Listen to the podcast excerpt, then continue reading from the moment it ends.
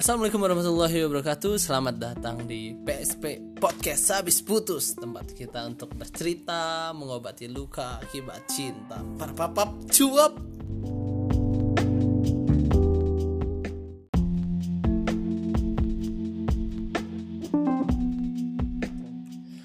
Oke, sekarang kita masuk di segmen cerita saya episode kedua yaitu tanggal 2 Januari 2020 ngejelasin dulu kalau sekarang ini tanggal 3 Januari ya. Jadi gue telat nge-recordnya cuman nggak masalah ya. Karena lebih baik telat dibanding tidak melakukan apa-apa. Kecuali kalau telatnya uh, ketika kita mau ketemu orang itu tidak boleh. Karena tidak boleh membuat orang menunggu. Oke. Okay. saya bingung mau ngomong apa ya jujur gue ini buat segmen cerita saya ini nih masih ngeblank banget sebenarnya apa yang mau gue omongin gitu. Karena apalagi karena ini sudah masuk tanggal tiga gue tuh sedikit lupa gitu apa yang gue alami kemarin sebenarnya. Uh, detail-detailnya bagaimana gitu. Dan gue masih ngeblank cuman gue pengen melakukan aja karena gue pengen belajar konsisten sih. Uh, gue nggak tahu sih apakah gue bakal konsisten bisa sampai tanggal 2021 gitu. Entah tapi gue harap sih gue bisa konsisten. Entah gue nge-record cuma beberapa menit nggak masalah. Yang penting gue pengen mewujudkan resolusi gue bahwa gue akan konsisten konsisten dalam melakukan sesuatu gitu. Dan buat podcast ini adalah salah satu pembelajaran gue untuk konsis konsisten tersebut ya. Dan gue pengen udah lama gitu nggak ngomong ngomong di depan umum atau ngomong kayak bercerita. Jadi makanya gue pengen sekalian uh, membiasakan diri untuk bercerita gitu. Walaupun mungkin di depan gue nggak ada orang tapi gue merasa bahwa ada orang yang akan mendengarkan podcast gue ini. Satu dua nggak masalah nggak masalah. Yang penting gue yakin pasti ada yang mendengarkan. Orang-orang yang waktunya terbuang sia-sia. Ya insya Allah podcast saya ini akan memberikan uh, beberapa hal yang bisa teman-teman ambil lah ketika mendengarkannya. Tidak akan sia-sia banget lah. Insya Allah uh, oke okay, kita mulai aja. Gue akan menceritakan apa aja yang gue alamin selama tanggal 2 Januari kemarin ya. Hmm, selama 2 Januari ini sebenarnya nggak terlalu banyak hal yang gue lakukan dan nggak terlalu banyak hal yang gue dapatkan. Tapi yang jelas ada beberapa poin yang pengen gue simpan gitu di podcast ini biar nanti kapan ketika gue mendengarkan lagi gue tahu oh gue pernah melakukan ini ya oh gue mendapatkan ini ya dari entah itu dari observasi yang gue alami atau dari cerita yang gue dapatkan dan sebagainya gitu. Um, jadi pertama ketika gue bangun itu gue biasa lah ya seperti orang-orang pada umumnya saat ini. Kalau bangun ambil HP gitu ya. Ambil HP gue ngeliat Instagram gue ngeliat Twitter. Um, jujur gue sedikit sedih ya dan miris saya melihat uh, betapa parahnya kondisi Jabodetabek akibat banjir yang terjadi tanggal 1 Januari kemarin gitu. Um, di Bekasi daerah gue lupa di mana itu sampai parah banget ya itu mobil uh, hanyut tumpuk tumpuk-tumpukan mereka. Uh, terus apa namanya ada di jalan yang uh, ular lepas gitu. Walaupun ada hal-hal yang lucunya juga gitu kayak ada video yang tikus ngambang di sendal atau kecoa yang ngusir di tembok. Um, ya selalu ada dua sisi gitu di setiap situasi gitu entah itu situasi si bencana atau situasi yang menyenangkan pasti selalu ada dua sisi sisi yang uh, menyenangkan dan sisi yang menyedihkan gitu. tapi bagi gue untuk hal yang menyenangkan nggak perlu gue bahas ya karena um, ya yang menyenangkan mah gue yakin semuanya juga sudah banyak yang tahu dan yang menyenangkan ya sudah sudah senang. Jadi buat apa dibahas? Emang apa sih? Enggak tapi intinya gue pengen ngebahas uh, hal yang beberapa hal yang menjadikan itu kayak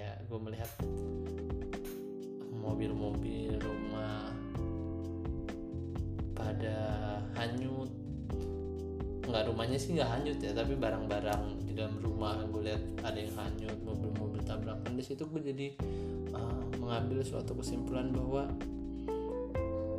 ternyata benar gitu bahwa harta ini memang cuma titipan ya. Kita itu nggak bisa dan nggak dan nggak boleh terlalu mencintai suatu harta gitu. Karena gue ngeliat ada yang ngepost sepatu Dior udah kotor dan tinggal sisa satu satunya hilang gitu dan ya se, se, segampang itu Allah untuk mengambil harta yang kita punya gitu. Secinta itu kita sama barang yang kita punya kita rawat segala ada aja yang cara yang Allah lakukan gitu. Makanya um, nanti yang gue maksud ini akan gue sambung dengan hal yang gue dapat uh, selanjutnya tapi intinya yang gue ngomongin kayak gitu gitu. Bahwa harta sangat gampang banget gitu ya. Nilainya hilang gitu. Dari yang mungkin beberapa gitu menyombongkan atau baru punya mobil baru. Atau udah punya mobil lama dirawat tapi dalam sekejap semua itu hilang gitu kan dan gue harap sih sebenarnya dari hal-hal kejadian ini walaupun mungkin gue nggak bisa banyak karena gue nggak mengalami tentunya orang-orang yang mengalami akan lebih mengetahui dan mengambil nilai-nilai yang yang mereka dapatkan gitu karena mereka mendapatkan dampaknya langsung ya. Tapi gue harap bahwa orang-orang yang dan kita bisa mengambil hikmah dari kejadian bencana ini gitu. Dan gak usah ribut-ribut nyalahin siapa siapa. Walaupun gue paham sih orang Jakarta itu khususnya kayaknya bukan butuh solusi kali ya. Emang butuh buatnya siapa yang disalahin aja. Karena tiap tahun siapa pun gubernurnya itu selalu banjir kan. Terus selalu gubernurnya yang disalahin gubernurnya yang disalahin. Adalah sebenarnya menurut gue ya kita semua berperan dalam hal itu maksud gue bagaimana kondisi Jakarta sekarang tak terlepas kan dari perilaku kita? Apakah kita ngebuang sampah dengan baik? Apakah uh, kita sudah merawat lingkungan yang ada di kota Jakarta dengan baik? Apa uh, dan pemerintah tentunya lebih berperan aktif ya dan ber, memiliki peran yang penting karena mereka yang menentukan kebijakan tata kelola kota gitu. Hal-hal itu tentunya akan menimbulkan dampak kan misalnya tempat yang nggak seharusnya didirikan mall uh, didirikan atau bahan bangunan atau bahan jalan yang harusnya bisa meresap air dengan cepat dan drainase yang baik yang harusnya dimiliki pemerintah daerah gitu itu tentu peran pemerintah daerah tapi tentunya gue yakin kita juga harus berperan aktif dan memiliki peran dalam hal ini gitu. Hal ini bisa terjadi nggak 100% kesalahan pemerintah tapi tentu pemerintah harus bertanggung jawab gitu. Gue juga nggak setuju kalau misalnya uh, bapak gubernur kita yang sekarang yaitu Anies Baswedan kalau dia nggak bertanggung jawab terhadap kejadian ini tentu memang gue paham banjir sulit diatasi tapi tugas dia sebagai gubernur ya harus mengambil tanggung jawab itu kan? Dia mengambil tanggung jawab sebagai pemimpin dia juga harus bertanggung jawab terhadap hal-hal yang rakyatnya terima.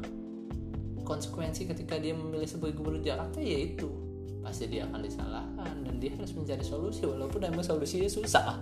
Tapi ya itu resikonya gitu.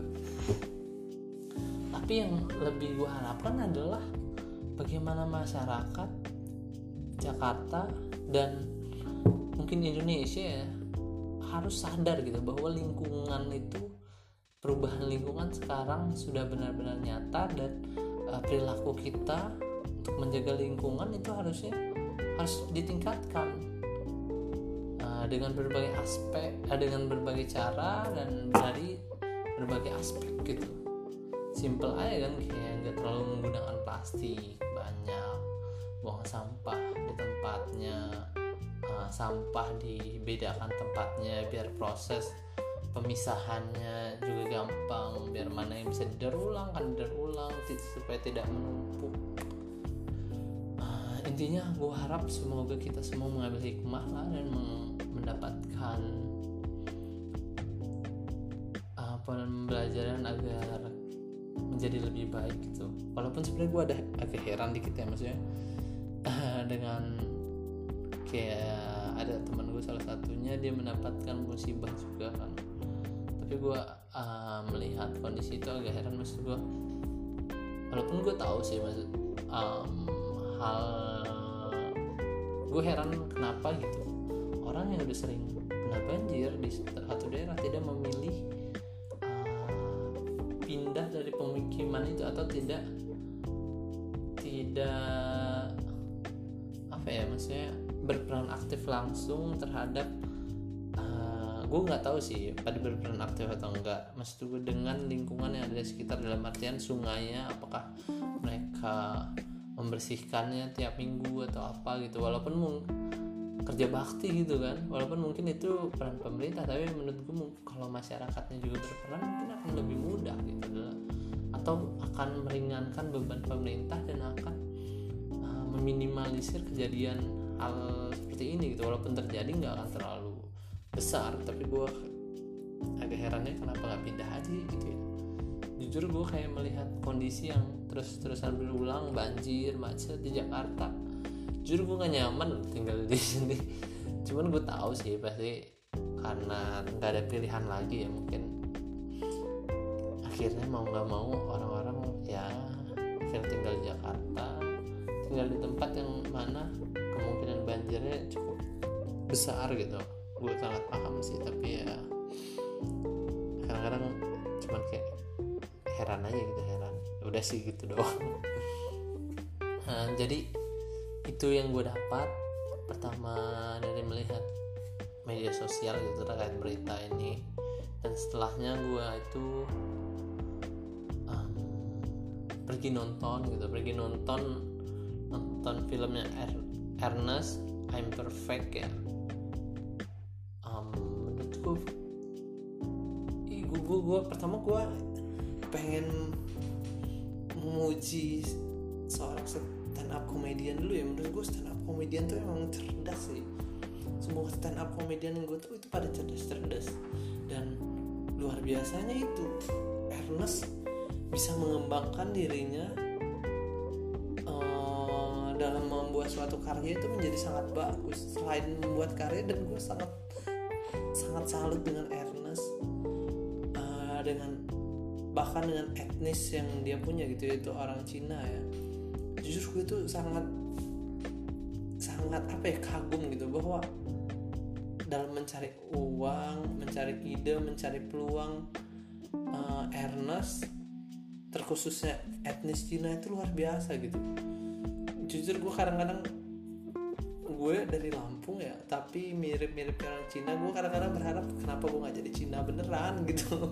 Karena karena pola didikannya dan gue lihat mindset orang-orang Cina itu kayak bagus banget.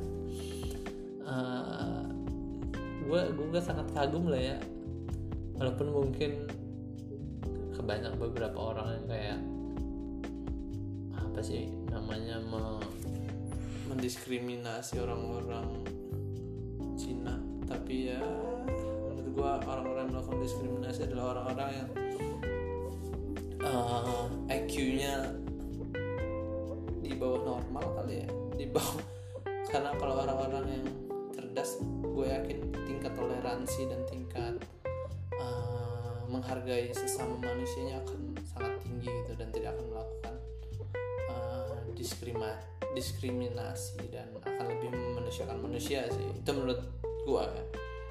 Dan mungkin gue akan masuk ke nge-review film Ernest. Jujur menurut gue film I'm Perfect itu bagus banget ya. Selain gue sangat sangat kagum dengan Ernestnya dan gue kagum karena dulu dia itu pernah sebelum menjadi sutradara yang terkenal banget seperti sekarang dia pernah mimpi bahwa suatu saat dia akan me mensutradarai Reza Hardian dan sekarang impiannya tercapai gitu. Dia punya goals dan itu tercapai. Jujur gue kagum banget gitu. Dan sialnya menurut gue dia buat film yang sangat bagus. Yang gue senengin adalah karena di stand up komedian komediannya itu dapet dan dramanya juga dapet gitu uh, banyak beberapa momen yang gue sulit untuk lupakan ya. Entah apa namanya momen komedinya gitu. Tapi gue nggak mau nyeritain detailnya karena itu berarti gue men-spoiler. Cuman gue harap kalau ada yang dengar dan filmnya masih ada kalian harus nonton karena sangat rekomend rekomenda rekomend rekomend banget itu. Sangat rekomend banget untuk ditonton kan gue yakin gak rugi kalian ngeluarin uang uh, untuk nonton ini. Bahkan gue kayak pengen nonton lagi gitu karena uh, bener-bener bagus lah. Dalam membungkus yang gue sangat kagumin tuh dari film itu kadang-kadang ceritanya ada detail-detail kecil yang itu menurut gue keren gitu. Dan di film Ernest itu ada banyak sekali detail-detail yang menurut gue ketika gue nonton gila ya bisa kepikiran ya. Entah itu dalam sudut sudut apa namanya dramanya atau sudut komedinya ya. Walaupun gue lebih banyak uh, melihat di sudut komedinya sih. Cuman secara keseluruhan menurut gue bagus gitu. Walaupun ketika gue nonton awal-awal tuh komedinya banyak banget rapet gitu sampai agak di tengah tengah ke akhir tuh kayak mulai drama. Gue pikir akan uh, seperti film Indonesia pada umumnya gitu kalau klimaksnya pasti kebanyakan kurang tapi film Ernest yang sekarang menurut gue klimaksnya sangat sangat pas dan uh, nilai moralnya dapet gitu mana stand up comedian tujuannya untuk menyampaikan keresahan atau menyampaikan sesuatu dan film Ernest ini tujuan untuk menyampaikan nilai atau menyampaikan makna mungkin atau apa pun yang ingin disampaikan Ernest menurut gue uh, dapat dan tersampaikan kepada para penonton gitu. Dan wajar kalau film ini ya film Imperfect ini akan mencapai 2 juta penonton ya. Dan mungkin kalau ini bisa ditayangin di luar negeri juga bakal lebih banyak lagi penontonnya. Dan gue sangat senang sebenarnya melihat film Indonesia sekarang semakin lama semakin bagus ya. Um, besar harapan gue mungkin Ernest bakal banyak membuat film-film yang lebih bagus lagi karena luar biasa sih. Film dia kayaknya nggak pernah hingga bagus gue memiliki harapan yang besar gitu untuk di film-film selanjutnya. Dan untuk yang belum nonton harus nonton. Um, mungkin karena udah kelamaan ya pokoknya intinya yang gue dapat hari ini